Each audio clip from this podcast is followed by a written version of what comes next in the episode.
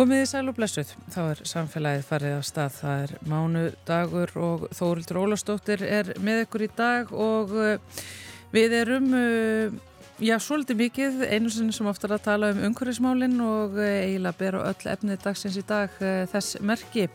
Við ætlum að fjalla um árlegu loftlagsrástefnu saminuðu þjóðana sem að hófst formlega í gær, hún er í Egiptalandi og Árni Finnsson, formadur Náttúruvendasamtaka Íslands, hefur nú farið alloft á ráðstefnur sem þessar og ætlar líka núna en uh, sest fyrst niður hjá okkur. Svo ætlum við að uh, ræða um fyrirtækin. Uh, það eru nokkur fyrir, íslensk fyrirtæki sem hafa verið að vinna já, að loftlagsmálunum út frá svona grætni aðferðafræði sem er sett út frá loftlagsmarkmiðum Parísar sáttmálans. Þetta heitir Science Based Targets hljómar rosalega flókið en er sem sagt ákveðin leið fyrir fyrirtæki til þess að bara setja allt út á snúru hafna grænþótti og laga það sem er hægt að laga. Þetta er eh, mjög metnaða full og aðteglisverð vinna sem að við fáum að heyra betur af eh, hér um miðbygg þáttar. Málfarsmínúnda er svo sínum stað og neytendaspjall í lok þáttar. Við ætlum að ræða við reittstjóra neytendablaðsins um uh, nýstudrifna losun uh, og hvort það er að reikna hana inn í losunarbókald uh, landsins. Þetta er eitthvað sem að svíjar alltaf að gera. Stuttumáli, ef þú kaupir bíl eða hvaðina sem er innflutt eins og allt á Íslandi, þá er kólefniskostnaður langt mestur eftir í framlegslulandinu eigum við ekki að taka þetta inn til okkar? Fyrst að það eru við sem eigum að erum að kaupa þetta. Við ætlum að rína betur í þetta hér á eftir. En við byrjum uh, með Árna Finnsinni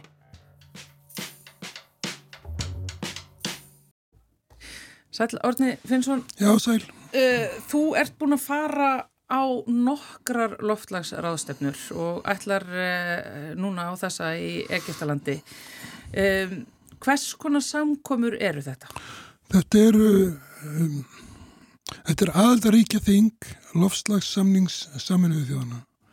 Það er að segja aðaldaríkinn funda á hverju ári til að taka ákvarðanir og uh, það eru rauninni yngar ákvarðanir teknan um allir getið saminast mm -hmm. þannig er það hjá saminuðu þjóðanum vissulega hafa viss ríki bandaríkinn til dæmis meira vald en önnu ríki vegna þess að þau hafa bara svo mikið vald í heiminum, sko styrta málakar að segja það. Svo mikið undir sér. Já, og uh, þarna verður að ráða sko um hvernig við eigum að fara að ná markmiði samlingsins um að að uh, lofslajarða raskist ekki með viðvarandi hætti. Já, þannig að lofslajarðar raskist ekki svo mikið að það verður ekki hægt að ná þeirri rötskum tilbaka. Við sjáum nú þegar sko umtalsverðar ja, atbyrðið sem sín okkur að lofslagsbreytinga valda þegar þó nokkrum búsið um mm -hmm. skjálfilega atbyrðir hann í Pakistan til dæmis. Mm -hmm. skjálfilegi brunar í Kaliforníu. Og eh, ríki eru misvel búin til að mæta þessum áföllum. Bandaríkinn býstna vel en Pakistan ítla og það var eitt af stóru málunum hann í Sjarmil Sjeiki, Egiptalandi, það er að hvort að ég að stopna sjóð vegna, það heitir töp og tjón á íslensku, það er að segja loss and damage sem fyrir að ríki verði fyrir tapi og, og skada og að þau ríki sem að, að um, flokka sem innríki eiga mest að peninga. Og menga mest.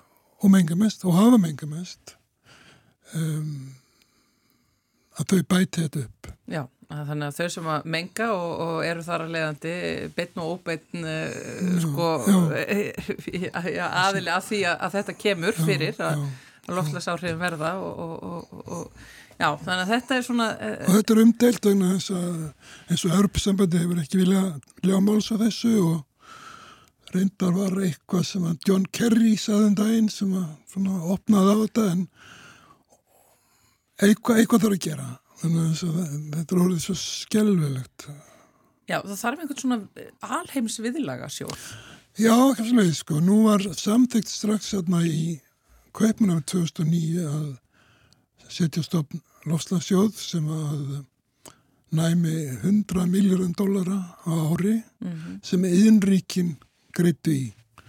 Og í ráðstöðinu í, í fyrra í Glasgow, þar var um, menn voru konni bísna nálagt en það var ekki gert ráð fyrir það næðist fyrir þá fyrstulega næsta ári en þannig að það er á leiðinni það er til að hjálpa ríkjum svo sjóður er til að hjálpa ríkjum að uh, nýta hrein orku og einni aðlast aðlast þessu nýju aðstæðum Já. og þar aftur uh, bera fátakar þjóði mesta byrðin.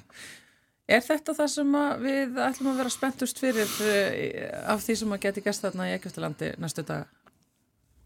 Af því að ég bara hreinlega átta mikið á því eftir hverju almenningur á að vera hlusta. Ég held að, að sko einfaldasta spurningin er hvernig gengur okkur að ná fram samþyktum um að draga úr losun svo degi. Menna eins og staðinu núna þá lítur út fyrir að samdrátturinn verði 1% árið 2030 en þarf að vera 45% meðan ári ár held ég. Og ef þetta tekst ekki þá er allt hitt ónýtt held ég. Mm. þannig að sko já. Og, og þessi 1,5 gráða sem ég get að tala um það er eiginlega efri mörg þess sem að lofslajarðar tólir og eftir að um, og við, sjáum nú þegar sko, 1,2 í dag og aflegarnir eru þegar skelvilegar þannig 1,5 það stendur mjög tæft og það er samt góð góð, góð talat sem hlusti eftir hvernig það hvernig, hvernig það markmið verður tólkað í Egiptalandi vegna þess að það er, það er svona krítis markmið.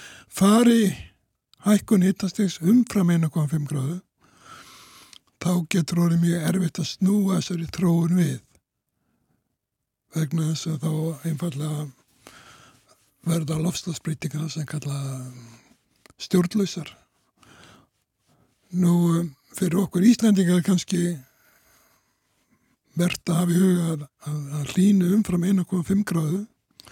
Það verður sömulegis mjög erfitt að snúa við og stöða, stöðu og snúa við súrnum sjáar. Mm -hmm. Þannig að Þá er fótunum kipt undan bara okkar efnagslífi og tilvörun Já, allavega þá er það við, í mikilvæg hættu.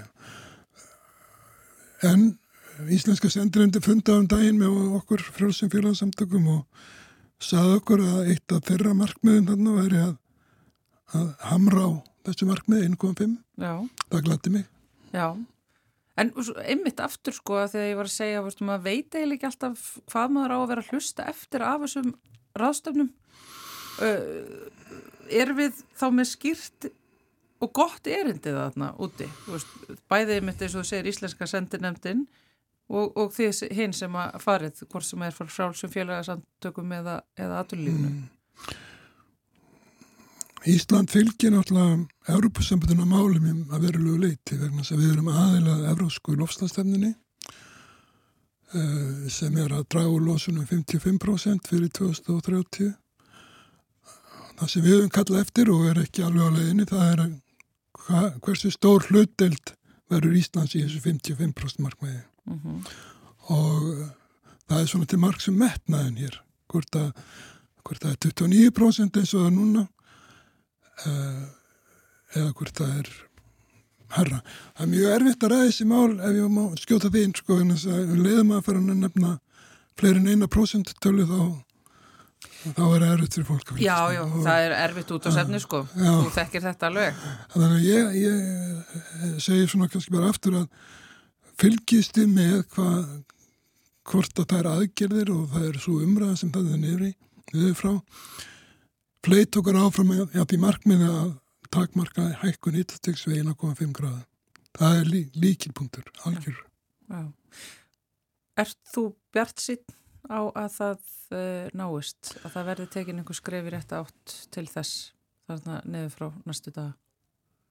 Já, ég er alltaf bjart sín en, en sko, svo kemur heim og, og þá finnst maður það er svona náðist þetta sko, það er erfitt að verjast þeirri hugsun þó maður sé bjart sín, það er erfitt að verjast þeirri hugsun að þetta hafi ekki verið nóg, ekki nóg mikið, ekki nóg rætt til að gera gagn en En ertu ekki farin einmitt vennjast því að vera vanur því hafandi sótt allar þessar loftlagsrástöfnur og orðið fyrir vonbröðum eftir hverja einu og einustu nánast? Ekki hverju einu og einustu. Nei, nú já, já. Ekki, ekki París Nei. og ekki svo mikið í Glasgow. Kanski Kaupanöfn var maður vonsvikin en þegar maður fór að hugsa út í það þá náði samkómulega um 100 miljardar framlag einn ríkja til, til fátakari ríkja á árið 2020. Það er ekki komið fram en þá en og taðist meðal hans vegna þess að Trump var kosin fórsitt í bandaríkina en það er á leðinni og svo var líka samtöktar í köpunafn að meðaskildi við hækkun nýttstík sem færi ekki fyrir tvær gráður. Það var ekki nóg en það var í áttina og samtökt þarna í París að stefna því. Já, sko þú ert hólega björnsinn og ferð aftur og aftur á þessar ráðstefnur og, og, og tekur með þér greinlega alls konar tilfinningar af þeim loknum. Núna er eh, eitt þekktast í náttúruverndar sinni heims, Greta Thunberg, einfalda bara búin að lýsa frati á þessar ráðstefnu. Hvað finnst þér um það? Finnst það flott hjá henni. Já. Já, mér finnst það. Hún, hún vil freka standa fyrir utan og, og segja við fólk og fjölmila að árangur hafa ekki náðust og þetta sé var mikið græn tóttur og svo framvegis. Hún er bara 19 ára Mm. þannig að hún hefur mjög mikið rétt til að lýsa frati þetta og segja að þið eru bara ekki að standa ykkur. Og hennar megin bóðskapur hefur alltaf verið þessi að stjórnmálmenn hafa samtökt vísindilega forsendur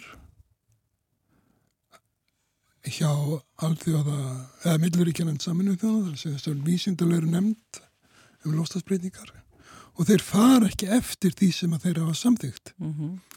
og það var einleginn til að segja að, eins og hún gerir að lýsta frætt í samkóna.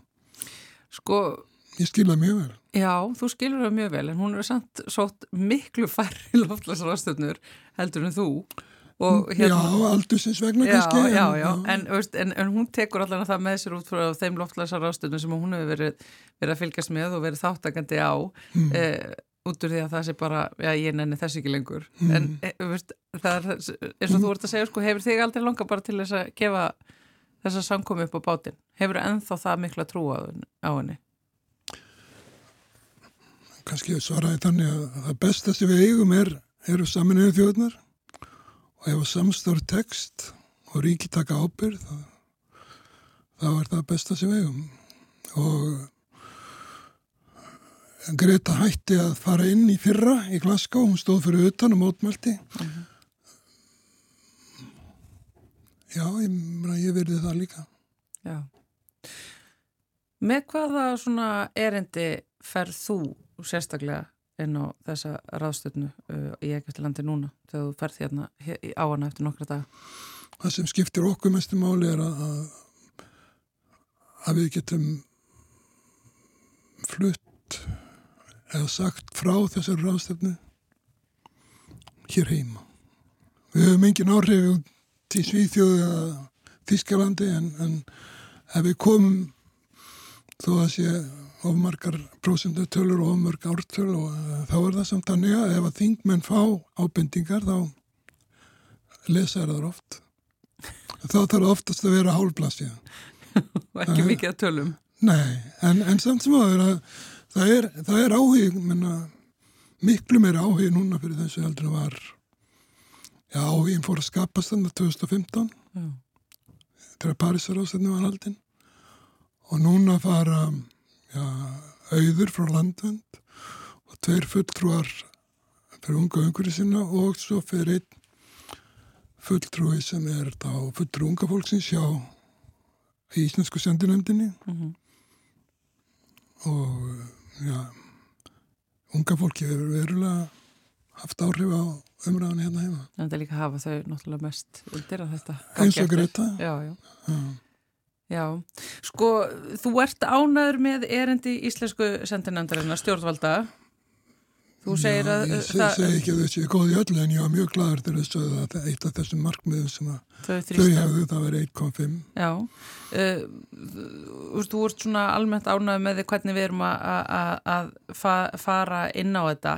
Um, sko, ég held að kannski það sem að almenningur átta sig ekki almennilega á með þessar ráðstefnur er sko, fjöldin. já, þú veist, og, og hvað er eiginlega gert? Þú veist, er þetta bara endalusir fundir og er síðan bara tekið til hendur og, og undirritað einhverju óræðir sáttmálar? Veist, það er eftirfylgnin og, og aðgerðarnar sem að hefur alltaf verið gaggrind að skorti, sko.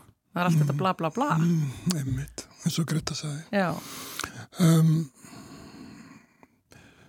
það er náttúrulega ekki nærið því allir eh, sem þarna fara sem eru að vinna á vegum saminuðu þjóðana eða semja á vegum einstakra ríkja. Það, ég er það ekki til dæmis. nei, En fyrir mig í gegnum árin að, að geta farið þarna og hitt félag okkar mest í Európu en annars það líka frá og fá upplýsingar á stanum og finna hvernig umræðan þroskast og, og reyfist. Það er gríðilega mikil sverið. og, og, og það borgar sig. Það borgar sig að við held þessu að fara aftur og aftur fyrir það. Þetta, þetta, er, þetta er svona um, þekkingabrunnur, já, skiptir greiðlega máli en og líka til að spekna okkur Íslandingi þessu, ég nefndi á þann sko Íslandi hefur enn ekki sett sér skýrt markmið fyrir 2030 Já, já, og en Ísland hefur sett sér það markmið að halda á lofti þessu markmiði saminu við þjónum 1,5 gráði og það setur Íslandi mörg ekki sett jú, ef við viljum halda því frammi halda því fram á allt því að veitum að gefa stiðjum það markmið 1,5 þá verðum við að taka betur til hendin hérna heima já, til þess að geta bara einmitt verið hnarrist þannig úti, sko. já og líka fyrir það koma fleiri gretur líka hérna í Íslandi Já. Uh, Árni, þú ert að fara þarna á föstudaginn, uh, uh, hvað verður þau lengi? Hvenær kemur þú tilbaka? Ég lækast þetta tilbaka á lögadaginn 19. og kem til landsins uh, daginn eftir. Ertu aðdáðandi hita? Það er 35 gráði hita þarna úti og tölfur raki. Nei, maður reynir bara að halda sín og nú sem er kjælt niður. Ég er ekki aðdáðandi þess. Árni Finnsson, uh, formuða Náttúruvendarsamtaka Íslands, uh, takk hérlega fyrir komuna í samfélagið Takk. og góða Takk. til Eikatlands. Takk.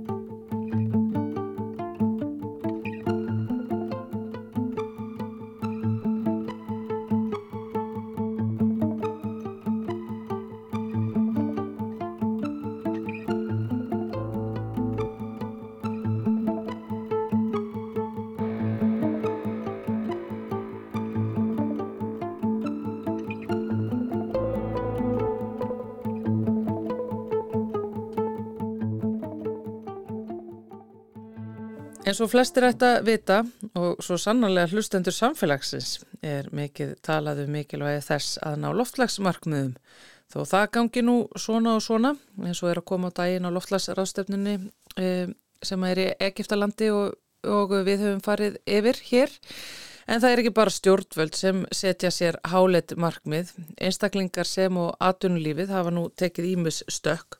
Til að mynda hefur fjöldi fyrirtækja hér á innanlands sett sér markmið um kólefnis hlutleysi árið 2030 og um, okkur leikur forvitna á að vita hvernig þetta er unnið innan þessara fyrirtækja. Hann er sestur hjá okkur Þorstedt Kári Jónsson, hann er forstöðumadur sjálfbærni og samfélagstengsla hjá Marel sem hefur einmitt eins og fleiri, er það ekki, sett sér ákveði markmið eh, Þorstedt?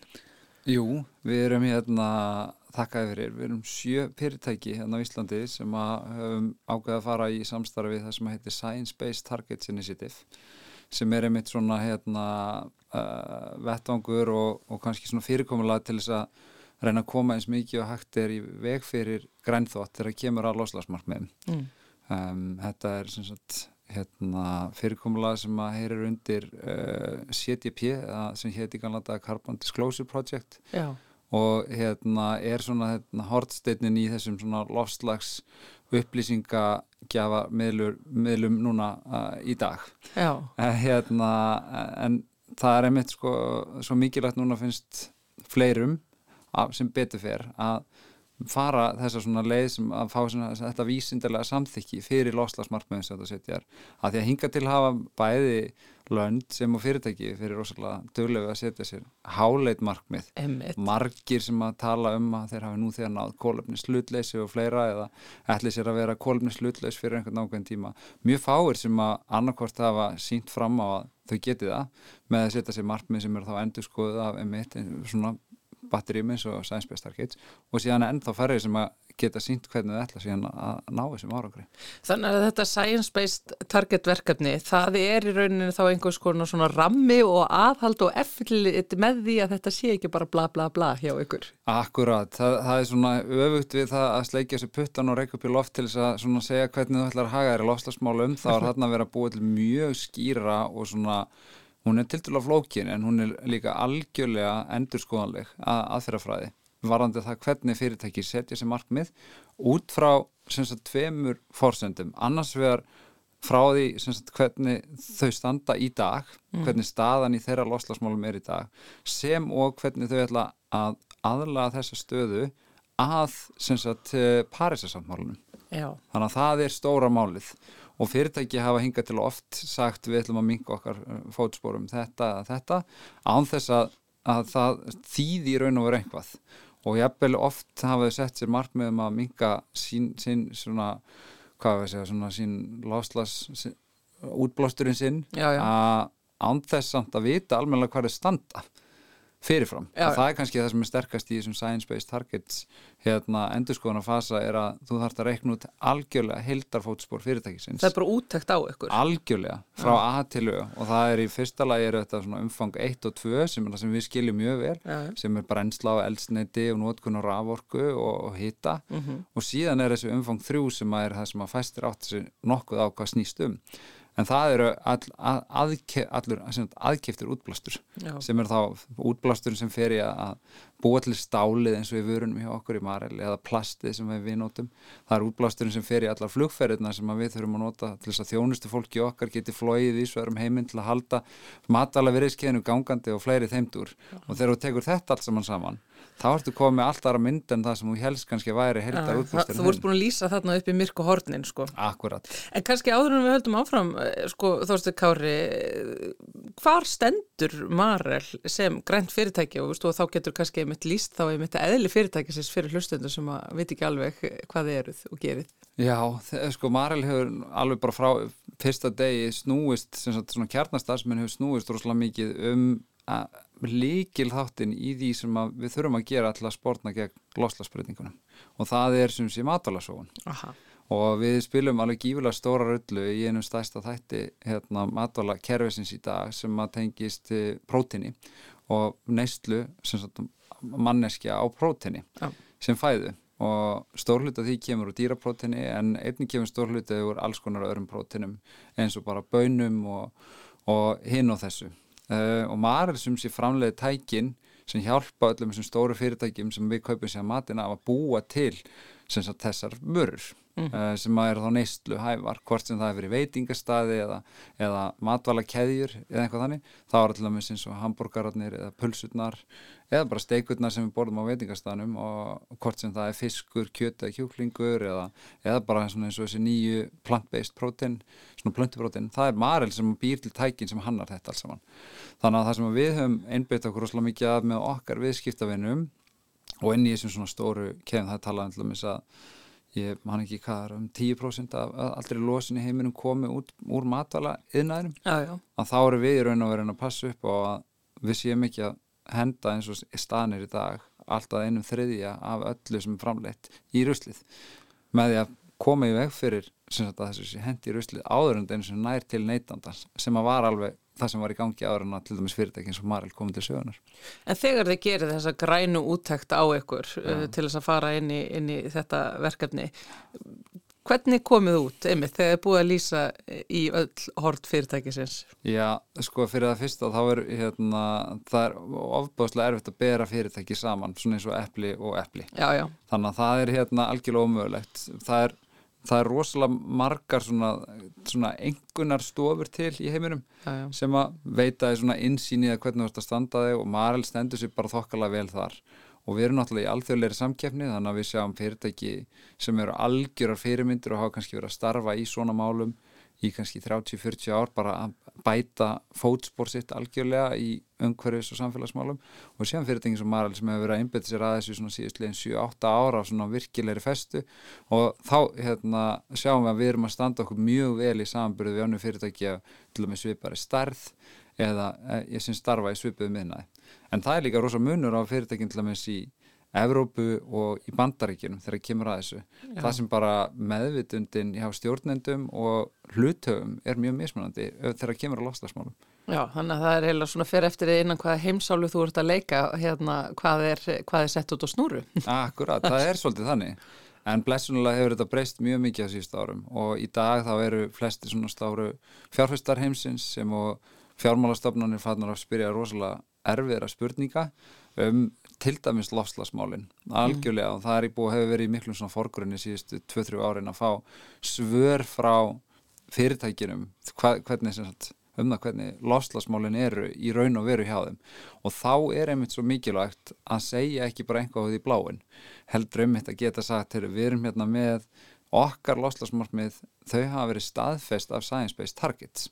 Þannig að það þýðir að þau eru algjörlega rétt og sönn bæði sjáu því hérna hvernig fótspóruð okkar er í raun og veru. Við erum bara heiðarlega með það. Það, er, það lítur svona út sem og að ef við ætlum aðláð okkur að Parísasáttmálunum þá er þetta það sem við þurfum að vera að gera. Það, það, er, það er í raun og veru það sem það snýstum Sko, nú veit ég að Maril er eitt verðmættasta fyrirtæki á markaðu á Íslandi. Græðið þið eitthvað á því að kveika öll ljósinn og, og sína öllum og, og bera þetta svona á borð? Já, alveg 100%. Þetta er bara, fyrir að fyrsta þá veit ég að ef þú gerir þetta ekki strax og gerir þetta ekki almennilega þá endar það bara mjög auðveðlega lang aftast í rauðinni.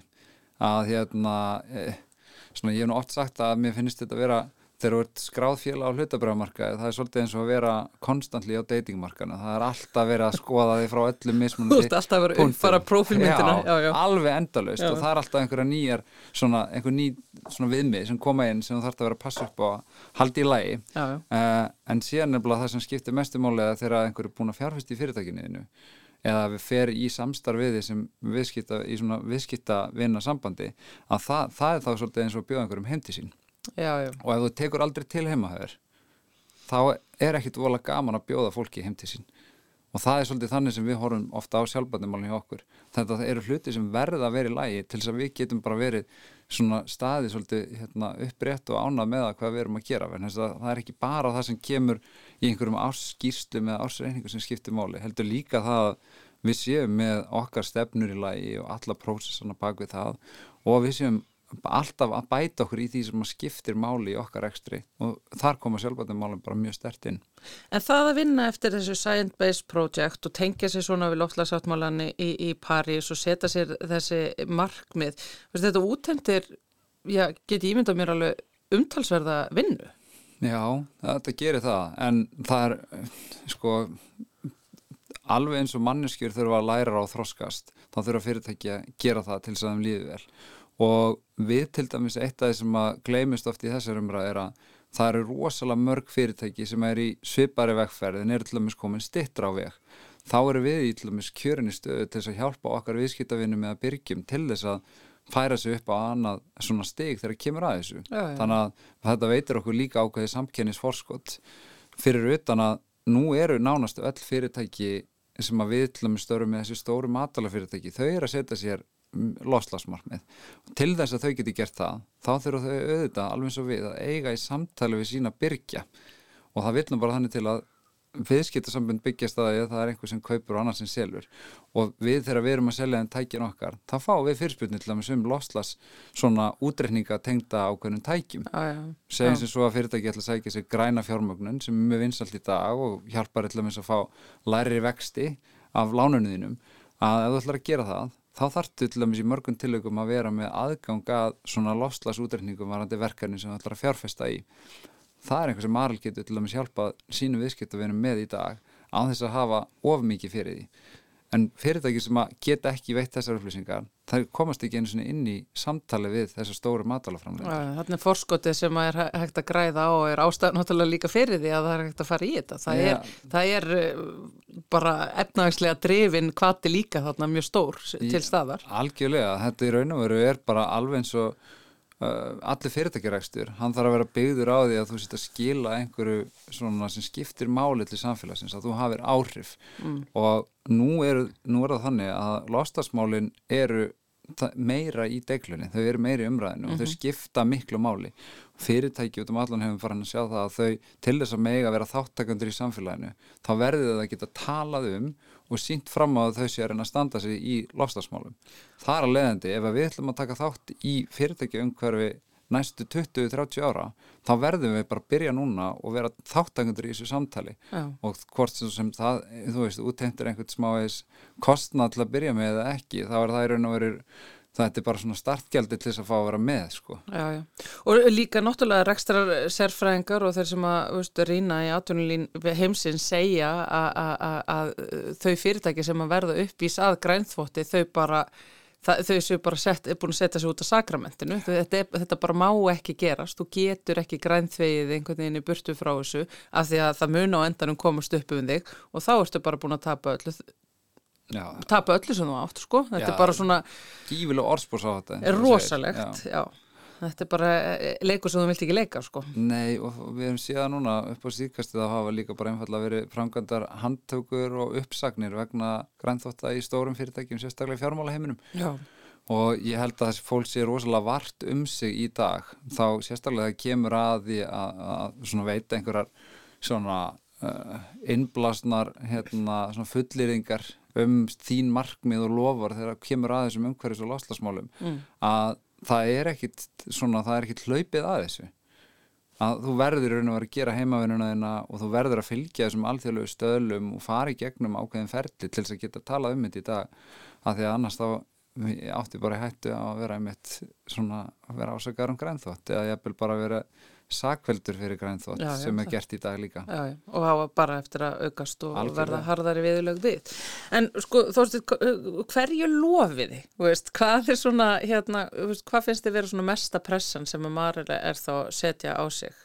Sko lofvorðið sem við náttúrulega gerum þegar við maður fer inn í þetta Science-Based Target Initiative það er að, að samræma allar þessar svona, svona rekstra áallanum fyrirtækisins að því að við náum Parísasáttmálanum og þá erum við bara búin að setja upp okkar svona ofinbæra okkar stöðu með við, það hvernig hún er í dag. Og við þurfum þá að setja á bara við þurfum að lækka útblásturinn okkar um eitthvað ákveð á milli ára. Og það er raun og veru það sem við erum að, að segja í dag. Og ég vildi óska þess að við hérna, við erum á svona loka, ég veit ekki hvað maður á að segja, sentimetrunum varandi að fá sagt, þessa staðfestingu. Þetta er hérna þetta er flóki ferli, þetta er, sem, þetta er líka mjög vinsalt ferli þannig að þú þarfst að, að fara í þetta þá þarfst sko að bóka svona review slot sem er bara kannski hálfu ári eftir að þú sendir inn sagt, gögnin öll til þess að setja umsöknin inn Ó, Þetta er bara eins og að komast inn gera á Íslandi Já, þetta er bara eins og kúlulegur, það er alveg rétt sko. og þú enda bara, ferð bara hana aftast í rauðina og segir við viljum komast að þarna mm. þegar það byrjar, þá fara bara öll hjólin á alveg skriljón og það, það eru endurskoðunanemndir og eftir öðrum endurskoðunanemndir sem að gera bara ótrúlega flóknar og miklar aðtöðsendi við alla útrekningarna og hvað þeim finnst vanta og hvað hérna, þau vilja fá ítalega útskýringar á sem að þú þarfst að skila inn og þegar þú er búin að því þá fer þetta bara einmitt í næstu endurskoðunanemnd og þú verður að svara öllu af mikið til kostskefni og bakka allt upp með gögnum og útreyningum og hinn og þessu til þess að komast alla leiðin og þá, hérna, þá fer þetta staðfest. En í kjölfara því þá þarf þetta viðhalda staðfestingunum með því að reglulega uppfara markmiðin. Já, þetta er bara ekki svona einhver skísla sem er gerð og, og svo bara gleymist hún í skuffu. Þetta Nei. er bara, þetta er áframhaldandi verkefni. Þetta er ekkit eins og að fá aukurskýrtinni fyrir 30 árum sko, Nei, það sem var bara góður í næstu 70 Já. þetta er alls ekki þannig þetta er í raun og veru hérna, þetta er bara flókið og langt og stórt ferli en það er líka þetta ferli sem að býr til þessa svona samfæringu á bakvið uh, votturinn eða viðkenninguna sjálfa Já. Já, þetta er allavega mjög áhugavert og, og, og ymmit, eins og við segjum, Maril er náttúrulega svona þekkt fyrirtæki, eh, nýtur mikill að virðingar og er náttúrulega verðmætt. Bara aðeins í lókinn þórstu Kári og sko að því að það er loftlags rástefna núna í gangi þarna í Egyptalandi. Og, og það er oft svona þannig umtal um atunlífið að, ymmit, að þau séu svona svolítið svarti péturinn að því að þeim geti ekki þrátt fyrir svona verkefni eins og þið eruð að fara í gegnum það sé bara eðli aðtunlýs og fyrirtækis og hagkerfisins einhvern veginn að eigða öllu út frá sér. Eh, þú þú er heyrt þetta veist, að, það, það, það, það má ekki minnast á samdrátt, það má ekki minnast á minni neyslu að því að það er náttúrulega það sem að keirir allt aðtunlýfið áfram. En það sé raunverulega stóra málið að það þurfi að vera. Ég veit ekki sko, bara, ég veit ekki alveg hver spurningin er en hvernig er að eiga í samræðum sem um græn mál við aðra eins og bara náttúruvendasamtök og, og stjórnvöld sem talsmaður stórs og mjög verðmæts fyrirtækis. Ég held að maður bara nálgast þetta mikill auðmíkt. Er, það eru svo marga rattir í samfélaginu sem hafa mismunandi áherslur og ég, ég byrði ekkit allar þessar rattir um að skilja endilega nákvæmlega hvað maður stendur fyrir. En kannski að, veist, að geta komið inn í samtalið með, og borið virðingu fyrir því að við séum að vanda okkur mjög mikið. Við, við erum tilbúin að vera brautreindur þegar kemur að ymsum þessum málum. Það að hérna, fræða kollega okkar hérna, á Íslandi og að hjálpa öðrum fyrirtækjum að komast áfram í þessum málum, það skiptir maður líka máli. Og það er oft talað um einmitt svona samfélagslega ábyrð og hún hefur kannski svona þú veist, farið svolítið hérna djúft til dæmis inn í loslasmálun upp á síðkastið Mm. en ég held að eins og bara þetta að fyrirtæki sér tilbúin að taka skarið og vera svona opinská með það. Það er eitthvað sem við erum allavega að reyna að gera og okkur finnst það mjög mikilvægt. Við gerum það ekki bara á Íslandi, við gerum þetta líka alþjóðlega og hérna og eins og ég segi, þetta er flókið og viðamikið verkefni að tala af kostgefni um lofslagsmálin og hvaða ábyrð þitt fyrirtæki hefur í, í þessu málflokki en ég held að þú veist það sem að við höfum líka reynd að gera er að ekki bara vera í samtali við önnur fyrirtæki á landinu eða einhver starf í kringum okkur á Norrlandunum við ætlum aðrilega til að minnst þáttakandi í, stórverkefni sem heitir Nordic CEOs for Sustainable Future þar sem að við ásand öðrum forstjórum sem sagt fórstjóri Marilán Árnóttur Þórðarsson og aðrir fórstjóri á, á Norrlöndunum vinna saman að því að setja svona skýr markmið um það hvernig við getum haldið áfram að vera brautriður á Norðurlöndunum og hérna eitt af því sem við höfum gert í þessu verkefni til þess að reyna að samrama og búa til kannski meira samtal við stjórnvöld á Norðurlöndunum um þetta. Og ég held að við verðum bara eins og ég segja og nálgast þetta mikið auðmygt en líka svona heildstætt þar sem að Marel spila sína rullu og við vitum að auðvitað eru einhverju sem eru ósamála því sem við gerum og aðri sem eru mjög samála og það, það er nú bara eðli hlutana svona dagstæðlega í hverju sem þú tekur fyrir þér fyrir hendur sko en, en við erum allavega þá að reyna að búa til samtalsvettvanga hér og þar um það. Til dæmis líka hvernig stjórnvöld geta því að nú hefur Ísland sett sér loslasmarkmið og tala mikið um loslasmálin en, en til dæmis að því að vera að segja við að við skiljum öll þetta svona umfang 1 og 2 þetta svona sem að orkunótkun og, og allt þetta. En sagt neistla hérna á Íslandi það er til dæmis svona loslasmál sem að hafa alveg runnið undir radarinn.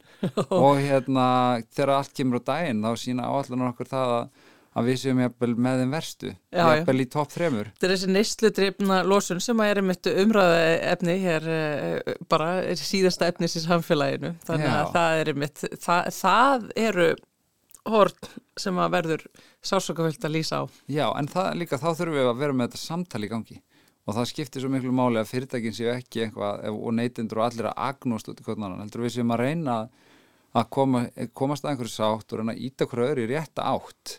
Af því að hérna, sama álíka einmitt við um stjórnvöld og fleira. Við séum metnaðfull og við séum svolítið hurrökk og ég held að það sé svo flott sem að Norrlöndin standa fyrir sem að er svona hugreikki okkar er allt örvíseldur en hugreikki e, í hennu vestrana heimi sem snýst rosa mikið um að kljúfa og sigra. Hugreikki á Norrlundinu snýst rosa mikið um að nálgast hlutina á auðmíkt og gera hlutina saman. Og og byggja upp samfélag sem er veist, byggt á velferð og velmögun sem að fólkið á að finna fyrir. Og ég held að það sé, ef við getum byggt samtalið um lostasmálinn svolítið í kringum það þá erum við að nálgast eitthvað. Ég held að það, fólk þurfa bara að koma saman að borðinu til þess að gera það, ekki vera agnúast alltaf út í hvort annað. Já, við ekki bara senda þetta samtalangar bara beint til leikastalans, látum bara þýða ekki vera, ekki vera að vera.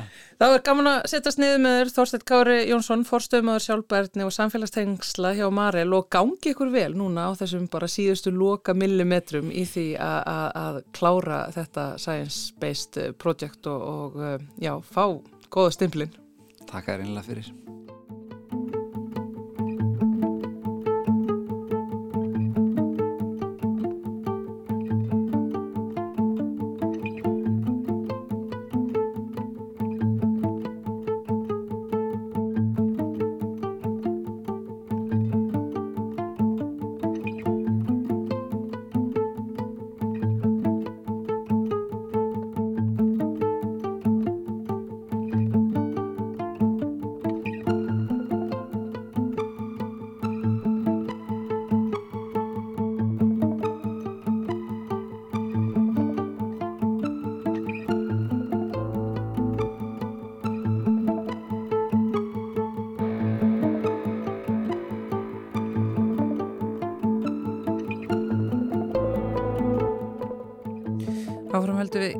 Samfélaginu. Uh, hér á eftir ætlum við að fara í neytendaspjall við Brynildi Péturstóttur, reittstjóra neytendablaðsins, uh, ræða þar um nýslu drifna losun. Það er eitthvað sem við þurfum kannski að fara að skoða aðeins betur eins og kom fram áðan í spjallinu við Þorsten Kára. En áður en við förum í neytendaspjallið skulum við fá eins og eina málfarsminutu.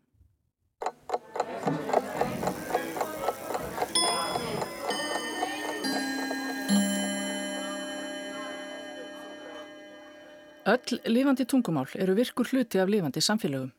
Þau þróast og breytast í takt við samfélagsbreytingar. Til dæmis breytist orðaforði í takt við breyta atvinnuhætti. Tækniframfarir hafa áhrif á þróun orðaforða sem og framfarir í heilbriðsvísindum, breytingar og þróun mentunar og menningarmála, aukinn frítími og meiri möguleikar á áhugamálum svo dæmi séu nefnd. Öll tungumál verða jafnframt fyrir áhrifum af öðrum málum, oftast þeim sem þau eru mestri snertingu við. Það eru áhrif á orðaforða en jafnframt aðra þætti málkerfisins, svo sem setningagerð, beigingar og jafnvel framburð.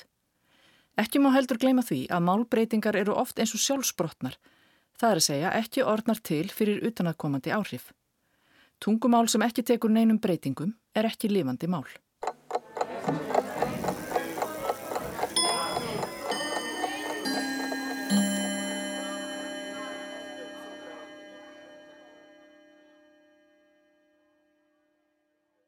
Og þá komið það smá neytendaspjalli hér hjá okkur í samfélaginu. Við tökum það reglulega og lítum í ímsar áttir og þessi sinni er það Brynildur Péturstóttir sem er reittstjóri neytendablasins sem er hjá okkur í, eh, í stúdíu og akkurir ekki satt. Sæl Brynildur. Já, sæl.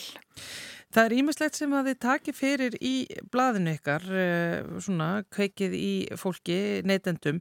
Eh, þið hafið aðeins verið að, að kíkja á loftslagsmálin meir og meira en það eðlega með hvað er stort mál og það er þetta með nesludreifna losun sem að þið skoðu sérstaklega fyrir í síðasta tölblæði.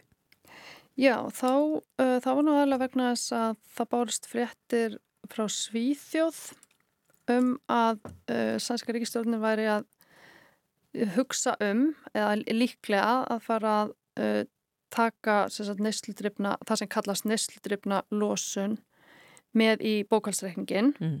og hérna og þetta er svona, þetta er svolítið kannski flókið en samt ekki þetta í rauninni þarna þá er verið að uh, horfa til þess að neyslan sé tekin með og og hvert land, ef við getum orðað svo beri þannig séð ábyrð á, á sinni neistlu.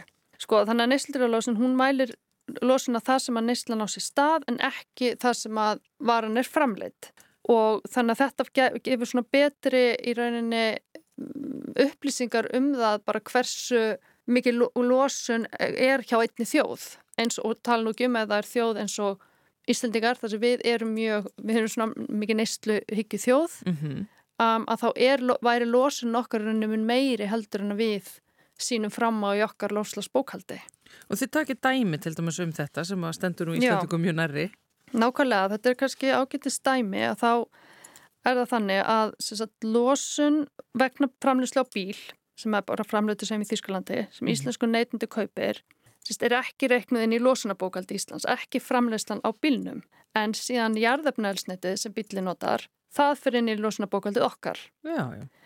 En Ef við myndum rekna út neyslutilfnulósun eins og svíjar er að vantalega að fara að gera að þá myndi Ísland taka á sig ábyrðina vegna lósunar sem verður til vegna framlegsla á bílnum. Þannig að allir innflutir bílar á mhm. Íslandi mm -hmm. fara inn í bara bókaldið, græna bókaldið hjá bara þjóðabúðinu. Já, hefur lósunarbókaldið okkar. Það væri og... skellur. Já, en, og eins og staðan í dag að því við eigum til dælu auðvelt með að breyta yfir í, í rafbílaflota mm -hmm. farið þau orku skipti með, með okkar ramagn Já. í dag ef að neytandi á Íslandi kaupir ramaspíl þá kemur það sér vel fyrir losunabókaldi okkar vegna þess að við bara notum ramagn og, og skiptum því út fyrir jarðarinn elsniti en það kemur vel, ekki vel út fyrir losunabókald framlegslu landsins þannig að segjum að ramaspílinn er framlegdur í Þískalandi þá er það þá er öll losun sem tengist framlýslunarbilnum fer í þeirra bókald mm -hmm, mm -hmm. þetta er svona já, þetta er hérna eitthvað sem að til dæmis Greta Thunberg hefur barist meðal annars barist fyrir og sænsku neytendasamtökin þau fögnuðu þessum tillögum svíja og töldu þetta væri ábyrgt að gera þetta með þessum hætti já. og það sem að mér varst líka áhugavert er að sko samkvæmt rannsókn sem var gerð í Svíþjóð 2021 að þá væru sko 76% svíja fylgjandi því að stjórnvöld myndi grýpa til harðara aðgerða til að breyta neysluhauðun. Þetta er alveg, kemur mér ó, óvart, það væri mjög frólægt að vita uh, ef að gerð væri svona rannsókn hér á landi hvernig, hvernig við myndum svara. Já, þetta er náttúrulega það sem að, maður getur náttúrulega oft sem neytandi skilt sér á, á, á bakviða þegar maður fær bara vöruna tilbúinu í hendurnar og, og tekur ábyrð á henni bara frá og með þeim tíma en mm -hmm. ef mhm. maður fyrir að færi sig aftur í virðiskeðjuna og þarf að taka ábyrð á öllu bara veist, mm -hmm. aftur, veist, bara mengun uh, fataðinar í ám í Kína þá kannski svona hérna fara renna mann tvær grímur Já, nákvæmlega að því að við erum eins og í dag í okkar losnabókaldi, það erum við bara að tala um vegarsamgöngur, mm -hmm. landbúna, stóriði og örðun Já Og þetta er náttúrulega, veist, eins og veist, Greta Törnberg hefur verið að benda á, veist, þetta er það rík lönd sem að eru svona rosalega neysludrefin og keira í raunin áfram allar mengununa. Lósunin gerist ekki hjá þeim. Nei, nei, nákvæmlega hún gerist nefnilega ekki á þeim. Þannig að, að, að Evrópa-sambandi hefur til dæmis skeitt að sínt fram á sko, minni lósun, en það er bara vegna þess að framlegslan hefur svo mjög leiti flust annað. Ja, þetta er bara reiknikunstir í rauninni. Pínur reiknikunstir. Það er ekki þannig að losun er, hún er alveg reiknuð en hún er bara ekki reiknuð e, þar sem að kannski, um, ég hvað að segja, á, ábyrðin á, á vörunum það sem hún liggur sko. Og, og svíjar og ja, við erum reyndar efst þarna í, við erum með viðtali í blæðinu viðan Júka Hænonen, professor í umhverfsbygginga hvað þú hefur rannsakað þetta mikið sko. Uh, og við erum á toppnum í Nor Norðurlöndin öll reyndar eru mjög losa mikið og við erum þar á toppnum að tala um hvort það eru nýju tonn á einstakling Já. og þyrti að vera 2,2 tonn uh, CO2 ígildi á einstakling að við ætlum að ná markmiðum hérna Parísasáttmálus wow.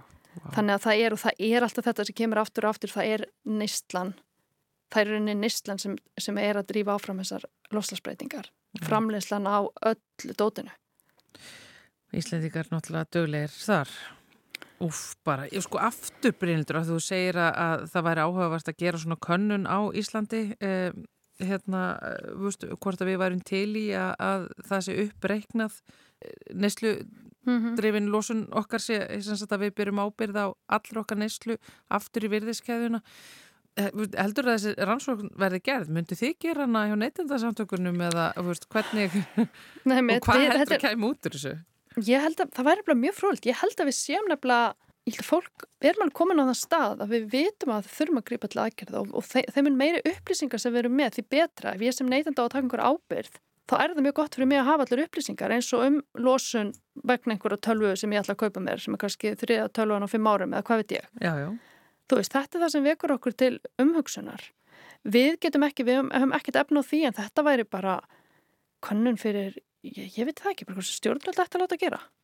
Sko ef að svíjar gera þetta, að öll losun, gróðrúsulofti, þetta verður tekið með bókalsreikningin og jafnvel skattlögð Mm -hmm. veist, mhm. þannig að neslu verður svo skatlaður út frá kóléttinsfótsporunu sem að væri þá að mörguleitur rökrétt næsta skref. Mm -hmm. Myndi það draga úr neslu okkar á þessum mengandi vörum sem eru að eðalega plánutuna? Já, þetta er, þetta er eitt einn spurning sem ég mitt lögðum fyrir uh, Jukka Hænunen með uh, hérna, hann sagði þú veist þetta er að það er öruglega framtíðin vegna þess að við sjáum að svona þessi loft, kvó, kvótar Sagt, er, það er alveg að virka, virka já, já. svona þessi koluminskvótar en hann sagði að við værum ekki komin þarna það er, það er bara mjög flókið að reik, reikna þetta út eða það er mikið flækjustig að reikna losun fyrir hverja vöru sko. Já, en, en það hugsanlega er það framtíð en, en spurningin er bara hversu lengi getur við beðið með að grípa til aðgerða? Við getum og... ekki alltaf látið samt framlegslu löndin sitja uppi með svartapéturinn að því að við neslulöndin sem erum að kaupa framlegsluna við ættum í rauninni að sitja uppi með. Það. Nákvæmlega og í þessu samengi er talað um svona lofslags hérna jafnbretti og ójafnbretti. Eh, það þarf að geta lofslags jafnbrettis með því að, að þeir sem menga þeir í raunin ættu auðvitað greiða fyrir það. Og við sjáum líka núna að um, nú er verið að gera kannski kröfu á lönd sem hafa sögulega séð staði sem markvælt betur en við hlutfarslega per, man, per íbúa. Já, já. en nú er allir að fara að veist, það, það, og þau eru auðvitað ekki sáttu það sem er alveg skiljanlegt. Þannig að, að því að það geta ekki allir neitt eins og við það likur bara fyrir Já, já, við erum náttúrulega einmitt uh, bara svo tökum bara sem dæmi sem Kína sko, þar er, er, er hver manneska í Kína með miklu lægra kólitnarsfótspór heldur en Íslandingurinn en, en við erum að kaupa veist, öll föttin sem eru hins vegar eh, tekin úr náttúruauðlendum Kína og, og mm -hmm. tala ekki um bara mannafls og, og jáfnveg barnumþrælkunar þannig að veist, aftur við getum bara borgað fyrir að, að þau setju uppi með allar afleðingarnar Já, nákvæmlega. Ég held að bara, þú veist, það sem er svona nærtækast er auðvitað bara að draga úr neistlu og vera aðeins hérna velja betur.